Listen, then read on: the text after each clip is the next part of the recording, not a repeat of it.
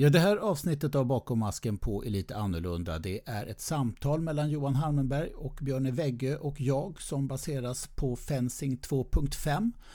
Eh, dels boken som jag såg precis har kommit i en kinesisk översättning och dels den artikelserie som nu har publicerats i alla sina sex delar på fencing.se och finns att läsa där. Men för den som vill ha lite mera kött på benen och som tycker att det passar bra med en podcast i ämnet så har vi gjort det här samtalet så att man kan ta del av det som finns i artikelserien här. Det blir både en del lite rent, rent teoretiskt, lite torrt fäktsnack men det finns väldigt mycket matnyttigt och intressant för den som är intresserad av att utveckla sitt mentala förståelse av fäktning och eh, att få tips på hur man kan träna för att bli bättre. Så Varsågoda och lyssna på Björne Wegge och Johan Harmenberg. En garde. Prêt. Allez!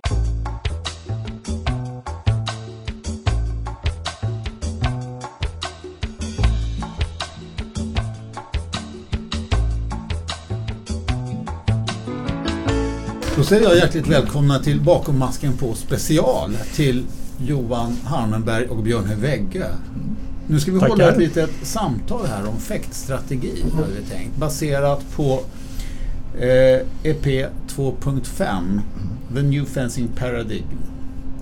Alltså, och Revise, den utökade versionen utav detta. Och, och, specifikt med tanke på den artikelserie som publiceras på fencing.se där eh, som då är inte bara, jag vet inte om det är huvudsakligen att det är översatt till svenska det som boken innehåller utan om det också är lite utökat i den här artikelserien det som eh, EP 2.5 egentligen tar upp. Ja, eh, det är väsentligt utvidgat i artikelserien. Eh, för att den här 2.5 som Björn och jag har skrivit på den utgår bara från ett strategiskt tänkande effektstrategiskt mm. tänkande och utvecklar tankar ifrån det.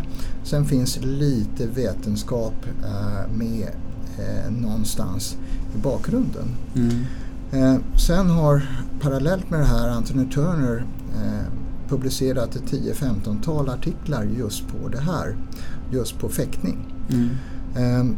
Och det gör att artikelserien så är en syntes av både det strategiska tänkandet och det vetenskapliga tänkandet mm. som landar i samma slutsatser delvis som de som Björn och jag applicerade för länge sedan när vi var aktiva. Mm. Nu är det viktigt att påpeka, nu är det ju bara två av de här äh, delarna i artikeln. Så vi, nu pratar vi om, om, artiklar som inte är publicerade än. Mm.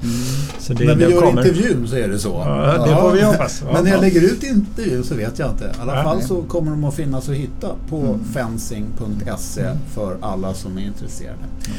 Jag tänkte vi skulle börja med um, strategi och taktik. Mm. Hur um, när är det viktigt och varför är det viktigt? Ja, egentligen så är det tre delar av det hela eh, som jag brukar dela upp det i och du brukar dela upp det på lite annat sätt. Eh, paradigm, strategi och taktik. Mm. Eh, och paradigm det är just det här, vad är det primära målet med min fäktning? Mm. Och det gammelmodiga målet är att man eller ett mål är att man bara tänker på vad kan jag göra för att träffa motståndaren. Mm. Men man måste också vara djärv nog att vända på det och säga ja, det är lika viktigt och kanske viktigare att ställa sig frågan vad vill motståndaren göra? Mm. Och då måste man hantera det och då kan en slutsats vara det han vill göra ska han inte få göra. Mm. Eh, så där är frågan, vad är det primära fokus? På mig själv eller på motståndaren?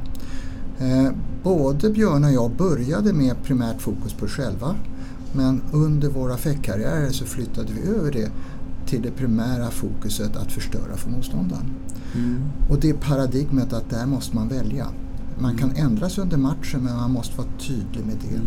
Utifrån det paradigm som man har så kan man då utvidga det till eh, en hel värld av olika strategiska överväganden. Och mm. skillnaden mellan strategi och taktik för mig är att strategi är någonting som man använder mot alla motståndare. Mm. Och inom ramen för sin strategi så utvecklar man en taktik för en specifik motståndare. Mm.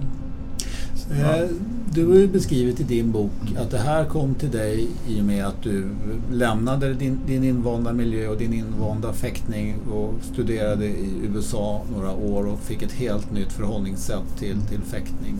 När, när kom det här eh, till dig Björn, att du kunde tänka utanför boxen? Alltså den stora aha-upplevelsen var ju 1981 i universiaden på, när vi tränade mm. Eh, inför den individuella tävlingen. Mm. Och, ehm, ja, ni som har lyssnat på mig i den individuella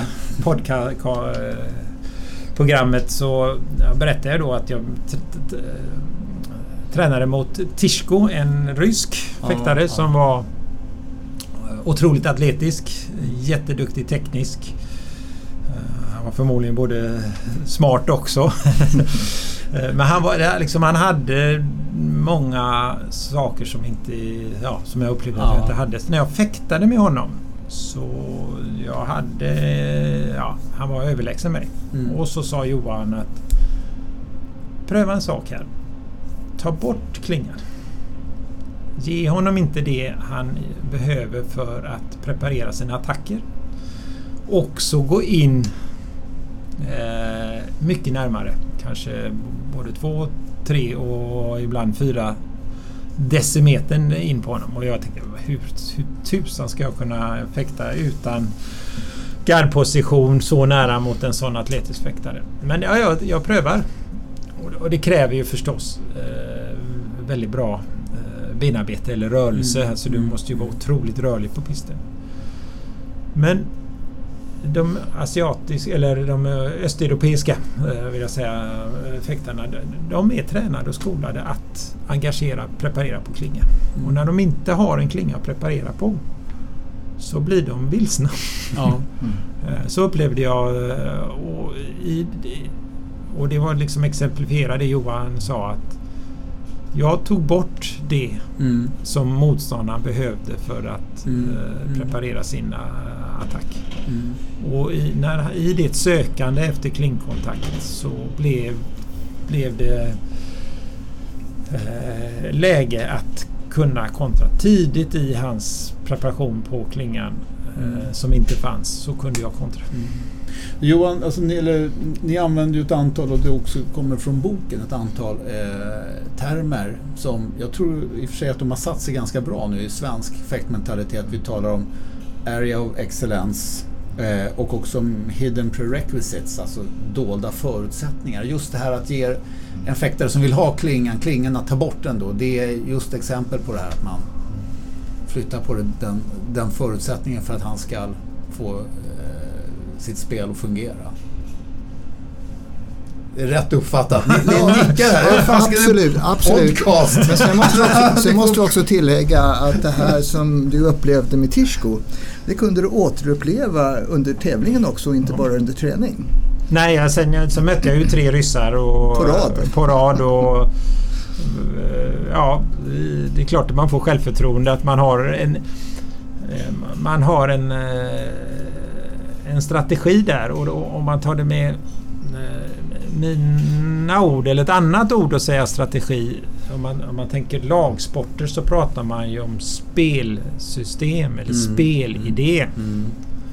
Och att ha en idé hur ja. lägger jag upp min fäktning? Det är ju ett, liksom ett annan, eller andra ord för att beskriva eh, fäktstrategi. Då. Och vad, mm vad, hur, hur, hur, hur, tänker jag mm. på ett övergripande nivå när jag går in med, med, i en match?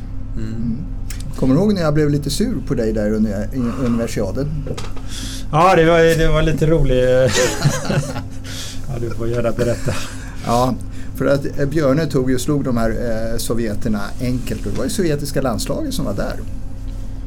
Och sen helt plötsligt så märker jag att Björne försöker inte träffa. Det var i lagtävlingen? Det var i lagtävlingen. Uh, och då säger jag, men Björne, vad håller du på med? Så vänder du dig om.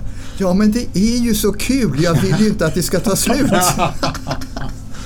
Mm. Ja, det, var, ja, det, alltså det var en aha-upplevelse, dramatisk aha-upplevelse som att jag förflyttade min förmåga att slå motståndare på på ett träningspass från en nivå till en annan och vann universiaden.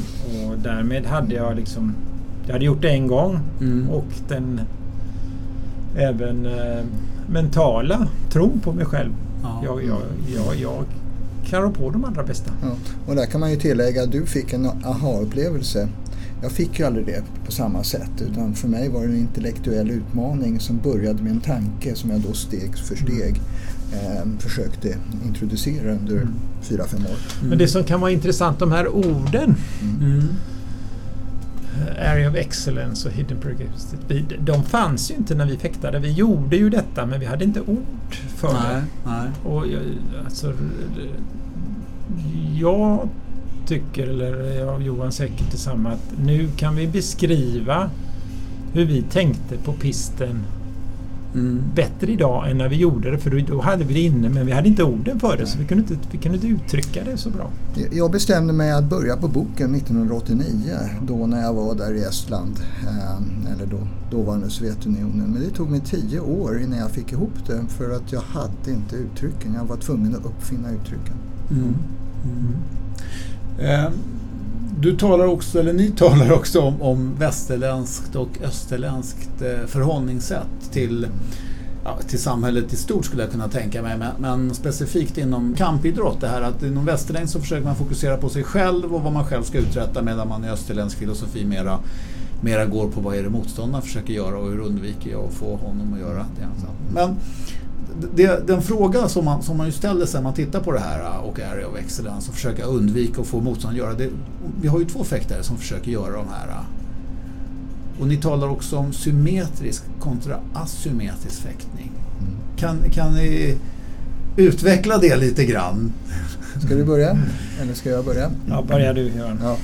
Ja, alltså hela tanken där eh, är ju då ett, egentligen en tanke för hur såg fäktningen ut på 50-talet och 40-talet? Mm. Och då var det i stort sett kontinuerlig klingkontakt. Mm. Klingorna rörde varandra. Eh, och jag hade en fantastisk aha-upplevelse 1979 tror jag det var när Hans Drakenberg dök upp på klubben och talade om att han ville fäkta förrätt med mig. Mm. Och jag tänkte den här gamla gubben det, det är väl ingenting. Och, och han var ingen motstånd för mig. Jag var för snabb. Men så sa han nej, jag tillåter inte det här. Vi ska ha klingkontakt. Jaha, ska vi det? sa jag. Det hade jag ju inte förstått. Eh, och då skulle man börja med klingkontakt och sen fick jag göra som jag ville. Men då tänkte jag okej, jag fäktar med honom med kontinuerlig klingkontakt och ser hur det går. Då blev det jämnt. Det blev väldigt, väldigt spännande. för det var en helt annan sport. Mm. Det som hände var att uh, ryssarna introducerade det som vi nu kan kalla för en, enkontaktsfäktning. De accepterade inte den kontinuerliga klingkontakten som fransmän och italienare ville ha. Utan de tog undan eh, värjan. Ja. Men de ville ha en beslutssam klingkontakt och efter det så eh, var det väldigt, väldigt farligt för motståndaren. Mm. Eh, det vi hamnar i då är att då har vi då fransmän och italienare som står med halvrak arm. För de vill ha kontinuerlig klingkontakt. Ryssarna drar undan armen helt. Det vill säga fransmän och italienare kan inte etablera kontakt med ryssarnas klinga. Ryssarna kan etablera kontakt när de vill med fransmännens klinga. Då blir fäktningen asymmetrisk. Mm. Och asymmetrisk till fördel, av, eh, till fördel för eh, ryssarna. Då. Mm. Eh, det vi upptäckte då, Björn och jag, det var ju då att ja, hur ska man slå den här? Då kan man göra fäktningen symmetrisk igen. Eh, det vill säga att man fäktar precis som ryssarna. Men det vi gjorde var att vi tog, tog ett steg vidare. Mm. Eh, vi tillät inte klingkontakt någonsin. Eh, och då hamnar vi i det som vi då kan kalla för nollkontaktsfäktning. Nu är inte det riktigt sant. Men vi kan sätta Björn och jag mycket stötar utan etablera kling, klingkontakt innan. Mm. Och snarast att motståndaren springer bort sig i sina försök att hitta. Eh, och då hamnar vi i den moderna fäktningen där båda har samma ingångsvariabler. Mm. Eh, och, och, eh, och då har vi det symmetriskt igen. Mm. Och där vill man ju gärna om man är coach att man vill ha sin fäktare hamna i eh, positiva asymmetri. Det vill säga att min egen fäktare kan etablera kontakt med motståndarens klinga men inte tvärtom. Mm. Om det går. Ja. Men ni använde eh, OS-finalen 2016 mellan mm. Gesa Imre och eh, ja, Kang Song Park. Park i alla fall. Ja, park i alla fall, det kan vi vara eniga ja, De brukar heta inte Park. Ka, inte kalsongpark. de brukar heta Park i ja, park. Eh, och ni, eh, ni använder den som exempel i mm. artikeln och säger att eh, eh, alltså man har, de har en studsande gard båda två. Mm. De har eh, kort avstånd, de har böjda armar. Mm. Eh, de har liten eller obefintlig klingkontakt. Och de har, har, spetsen pekar egentligen aldrig mot motståndaren i garden. De har spetsen någon annanstans. Mm. Och vad skulle man säga för om få klingfinter, få degager, många kroppsfinter Eh, få fulla attacker med marsch, utfall med sträckt arm, egentligen inte alls förekommande. Mm. Eh, och sena men mycket snabba armsträckningar. Det där kan vi återkomma till. Men jag tänkte um, om båda fäktarna tillämpar den här strategin då får man en symmetrisk fäktning där ingen har en, en positiv symmetri. Utan Precis. Att, ja. Och vad är det då som, som avgör? Vad är det då som, som vi ser för men då kommer ju två andra delar i det. Alltså, alltså benarbete, alltså din, din rörelseförmåga på, på, på, på pisten. Mm, att, mm. att kunna förflytta dig och skapa ett läge för en, ja, ett stödstillfälle. Ja. I kombination med förmågan att kunna, om man fäktar då på kort avstånd, mm, förmågan mm. att kunna, alltså din förmåga att kunna sträcka armen snabbt kommer in som en... Det är två para, I den fäktningen så, så, kommer de här två dimensionerna till som är väldigt viktiga. Att man tränar på sin, sitt benarbete. Sin, mm, mm. Att byta riktning, att vara rörlig och hitta eh, lägena. Och att du är extremt snabb att kunna mm. sträcka armen. För en arm är alltid snabbare, en sträckning arm är alltid snabbare än, vad, vad, än, ett utfall. Så att liksom, du får upp en hastighet i den fäktningen om man är på väldigt nära avstånd.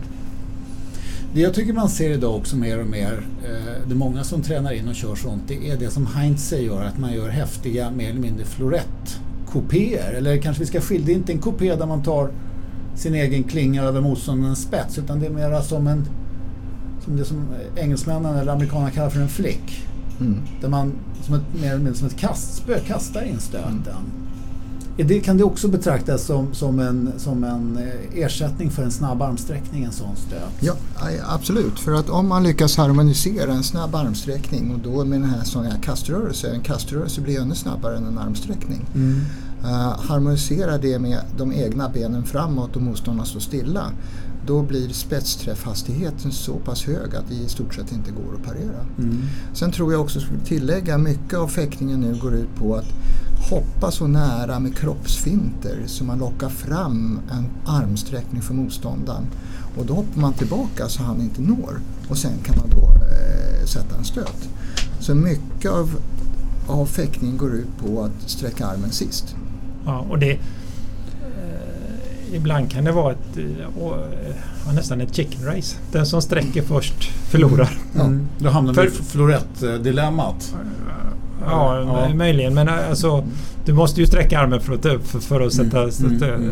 stöten. Men eh, ja, att när du ger klingan så kan ju motståndaren ta klingan. Ja. Så att du, samtidigt som du måste sätta stöten. Du måste ju liksom närma dig motståndaren för att sätta stöten. Men det, då är du som mest sårbar. Mm. Mm. Så att eh, ja, det var ett antal matcher som som det var, under min tid som förbundskapten. Det var så uppenbart. Den som sträcker först förlorar stöten. Mm. Vi har berört lite grann två stycken eh, viktiga förutsättningar och det är behovet av dels ett bra benarbete och sen en snabb armsträckning. Men båda de här grejerna måste ju tränas. Och, det, ja. och vi hade lite grann diskussion innan här, eller ni hade lite grann en diskussion innan utav just de här. Jag vet att artikelserien tar också upp det här just med ett bra benarbete och träning utav det.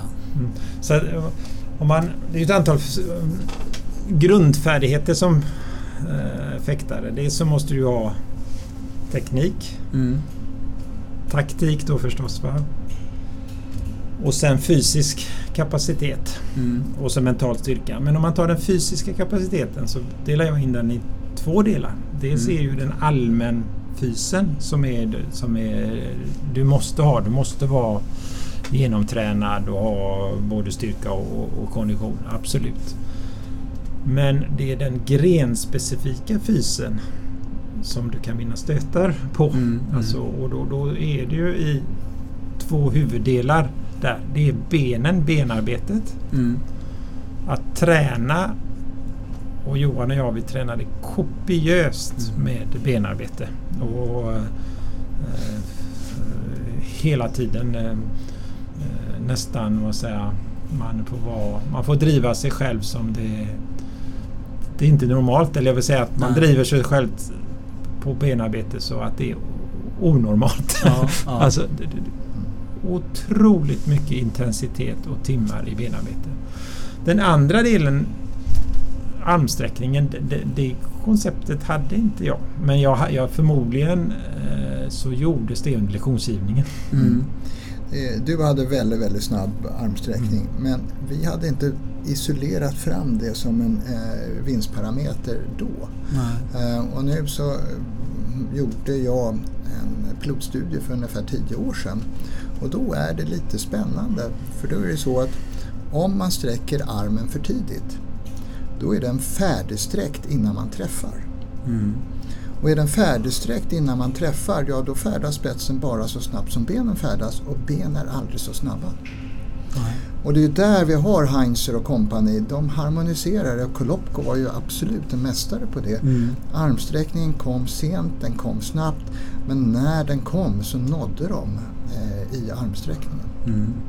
Och svårare att parera också när Det blir, kommer nästan, sent. det blir nästan omöjligt att parera. Mm, mm. Hur ska vi träna benarbetet då? Ska vi tillbaks till gamla tider? 45 minuter benarbete stenhårt. Ja, det, det första är ju att träna benarbete. Ja. Och, då, och jag, jag gick ju den klassiska skolan och eh, ja, det vi gjorde med landslaget och, och Daric eh, idéer. Eh, jag, jag, ja, det, det som var grejen var att det var väldigt intensivt. Alltså att man gjorde med hård intensitet eller stor intensitet. Mm. Att, att, att liksom inte bara masa sig runt och köra av sina 10-15 minuter utan det var med ja, i stort sett max eh, belastning med vila Mm. i, i, emellan. Och sen hur det... Johan har idéer hur det har utvecklat sig. eh, Hur man skulle kunna tänka lite mer fäktmatchnära med, med forskningen. Så det får du berätta om. Mm. Ja, absolut. Och, och den typen av träning som vi gjorde enligt Bela, eh, då kan man, när vi tänker efter, eh, efteråt så var det inte så himla många riktningsförändringar i benarbetet utan det var att man gjorde Mm. hela längder, en hel Mm. pist med någonting. Um, den forskning som nu har kommit fram visar att det är oerhört mycket riktningsförändringar i en fäktmatch. Bakåt och framåt, framåt och bakåt. Sen har det också visat att den arbetstiden i värja är eh, runt 15 sekunder eh, med en standardavvikelse på ungefär 10 sekunder. Det vill säga att många stötar tar 30 sekunder. Så Mm, att mm. en fäktare ska vara beredd att röra sig hårt under 30 sekunder. Och då får man ju en möjlighet till att lägga upp ett benarbete där det är 30 sekunder arbete, 15 sekunder vila. Upprepa sex gånger, då blir det tre minuter och då härmar det en period. Är man riktigt ambitiös kan man då vila en minut och så gör man om det två gånger så blir det som en eh, eh, direktutslagningsmatch. Eh, och i det så ska det vara väldigt mycket riktningsförändringar och utfall. Och armen då? Armsträckningen? jo, och det Ja. jag också ska tillägga är att mycket av benarbetet som jag ser görs på klubbarna, då är det inte full fart. Det är någon typ av teknikträning eller uppvärmning. Man gör det i början av, av, av träningen eh, där då både jag och Björne, och du får säga emot om du inte håller med, eh, tycker att benarbetet ska göras i slutet. Det ska göras så hårt så man kryper ut i duschrummet och inte orkar någonting mer. Jag har ju inga vetenskapliga belägg men för jag har ja, inte gått in i den delen. Men jag, jag håller med. Jag gjorde det efter träningen mm. och jag gjorde det så jag var helt slut mm. med en väldigt hög intensitet. Men jag, jag, hade också rätt så mycket riktningsförändringar faktiskt i den mm. träningen med tre fram, tre fram eller två fram en bak mm. utfall och mm. en bak flash. Ja, alltså det, det, det, var olika kombinationer av riktningsförändringar men det, jag hade ju ingen vetenskap nej, eh, nej, bakom nej. det. Nej, och både du och jag gjorde egna benarbeten. Mm. och Bela standard var det som du kommer ihåg. Ja, vi marscherar hela pisten fram och tillbaka. Vi marscherar hela pisten. i benen men kanske ja. inte... Eh, och där då den nuvarande ståndpunkten är att just man ska kunna hoppa framåt, få fram en armsträckning men ändå eh, hinna bakåt. Mm. Så själva riktningsförändrings eh, Eh, är centralt och även på andra håll att man ska kunna röra sig bakåt och från att röra sig bakåt kunna röra sig framåt eh, så snabbt det bara går. För om man har ett bra benarbete då kan du skapa press och stress på motståndaren på ett helt annat sätt. Och då, och då, och då kan du spela med det taktiska spelet. Om du är överlägsen på benen så kan du liksom, Då är du överlägsen i de tekniska valen. Så att om man har dåligt benarbete mm. så, så, så har man inte så lätt att göra de här taktiska förändringarna utan att eh, till exempel fäkta på väldigt korta avstånd eller fäkta på väldigt långt avstånd om du vill få, få uh, motståndaren att attackera dig men komma på för långt håll. Då gäller det att kunna liksom vara som en tvål och glida bakåt. Så ju, mm. ju bättre fysik, grenspecifik fysik, mm. ju ju större möjlighet har du att eh, spela med taktisk, de taktiska varianterna också. Mm. Och kombinerar man de snabba benen med en snabb arm så får man väldigt stor frihet. Mm. För då kan man vifta runt med armen som man vill. För om någonting händer så sitter sträckningen där i alla fall. Mm. Är det så att man har en långsam armsträckning och långa ben, ja då får man nog ligga eh, med spetsen pekande på motståndaren och då hamnar man i underläge direkt för att då blir fäktningen negativt asymmetrisk. Ja. Så, så taktiken är ju en del men har du inte fysiken, den grenspecifika fysiken så har du, så, så är du, du väldigt begränsat. Och sen gäller det ju teknik att du har någon, någon, mm. någon, någon stöt som du väldigt kan utföra med perfektion. Ja. Mm. Att, så du måste ju ha en, du vill ju skapa ett läge där du kan, du kan ut, ut, ja. utnyttja en teknisk förmåga som ja. är ja, Då är vi tillbaka lite grann på area of excellence, att man har den här stöten som man vill bygga allting mot. Ska man ha flera sådana här mm, patentstötar eller det räcker att ha en? Ja, är man riktigt duktig har man flera stycken. Jag hade bara en och du hade bara en. Ja, jag, jag, jag hade, egentligen hade jag två som jag byggde min fäktning på. Den ena mm. var min Aré. Mm. Att alltså sätta Det var den press. jag tänkte på. Ja, ja men, ja, men det, och, och, den byggde jag ju att sätta stress och press och glida ifrån. Och då använde jag, ville jag få motståndaren att komma på långt håll och så mm. sätta dem i insidan handen eller eh, och allra helst väldigt tidigt. Mm. Så, så, det var press, press, stress, stress, press och till slut så kom motståndaren och så gled jag ifrån och så satte jag den på insidan handen, mm. äh, aren. Äh, och det andra var ju att krypa in väldigt, väldigt nära då med jättebra ben och i, i att möta Johan vill, hade, hade ju sin area of excellence att mm. tog, kling, tog klingan eller i, i sixt eh, position.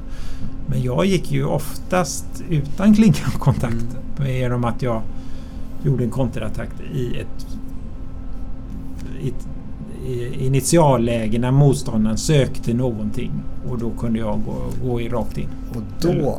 samma rörelse som i din aré? Ja. Fast jag, jag, gjorde den på kort avstånd. Mm. Och, för, och, i en mötande rörelse. Och aren gick jag ifrån motståndaren med på ja. ett långt avstånd. Och de, de två spelade jag med och, de, mm. Och gick inte det ena så, så prövade jag det andra. kan, kan en riktig teknisk fäktare som har, kan man tala om att man har fått för stor verktygslåda? Att man har för många olika kort att välja på? Att man därmed också gör komplicerar tillvaron för sig själv? Vi, vi känner ju många sådana fäktare. Eh, som har alldeles för begåvade. De kan träffa på så många olika sätt. Eh, och när de då sätts under press så tänker de tankar, jag ska gå högt, jag ska gå lågt, jag måste göra något, jag kanske förlorar, ska jag ta och parera? Mm. Eh, medan då Björn och jag, då finns det en väldigt tydlig Mm. eh, favoritstöt. Eh, och ju mera nervöst fäktningen blir, Mm. desto enklare blir den också. Mm. Eh, och då är det de här väldigt begåvade personerna, då tar de i för att göra en lång attack eller vad det är. Eh, men eh, då står Björn och jag på lite för kort håll. För det man ofta ser är ju då att eh, folk gör sin area of excellence utan de, de rätta eh, förutsättningarna. Mm. När de är nervösa. Så att, ja, ma- lite kortsummering. Ta bort motståndarens bästa stöt. Mm. Mm. Sätt press på motståndaren för att skapa det läget som du, man önskar då. Mm. Johan ville ha en sträckning och gärna i, framåt. Eh, och då, då, då liksom fick Johan det han behö, behövde. Jag hade två varianter som jag Mm. spelade med. Press, glid ifrån, sätt den på insidan handen. Eller in kort och, och möta tidigt. Mm. Mm. Man- Jag, jag hade två lägen, press eller mera press på mig. När man studerar en motståndare inför en match, finns det några sådana här äh, enkla knep att försöka kategorisera dem för att, för att titta på dem? Alltså när man fäktar mot någon och kan prova själv vad reagerar han på, vad gör han? Då får man ju en uppfattning. Men man vill ju gärna ha någonting också med sig när man går in till den där matchen. Vad ska man titta efter? Vad kan man kategorisera in? För mig var det väldigt enkelt. Mm. Eh, innan jag gick in i matchen vill jag veta, har eh, motståndaren en flash, har motståndaren en fotstöt, har motståndaren en handstöt? Eh, och viktigast är, är det hand och fotstötar som jag behöver oroa mig för? Det vill jag veta innan. Eh, sen så ser jag ju alltid till att föra matchen. Mm. Så det är inte fråga om att jag följer efter motståndaren, motståndaren jag tvingar motståndaren att följa efter mig. Så jag behöver inte veta så mycket mer om motståndaren eh, i, i det läget. Mm. Ehm, det är klart också att det jag försöker fundera ut de första 30 sekunderna är, eftersom jag vill gå in på SIX-sidan, då vill jag veta om motståndaren är en obligat sekund tillbaka-pressare. Ja, det har vi inte med i er artikelserie här. Det finns med någonstans och det är då som jag ser 60, 70, 80 procent av de flesta. Trycker man på SIX-sidan så trycker folk tillbaka. Mm. Eh, och det gör livet mycket enklare för mig.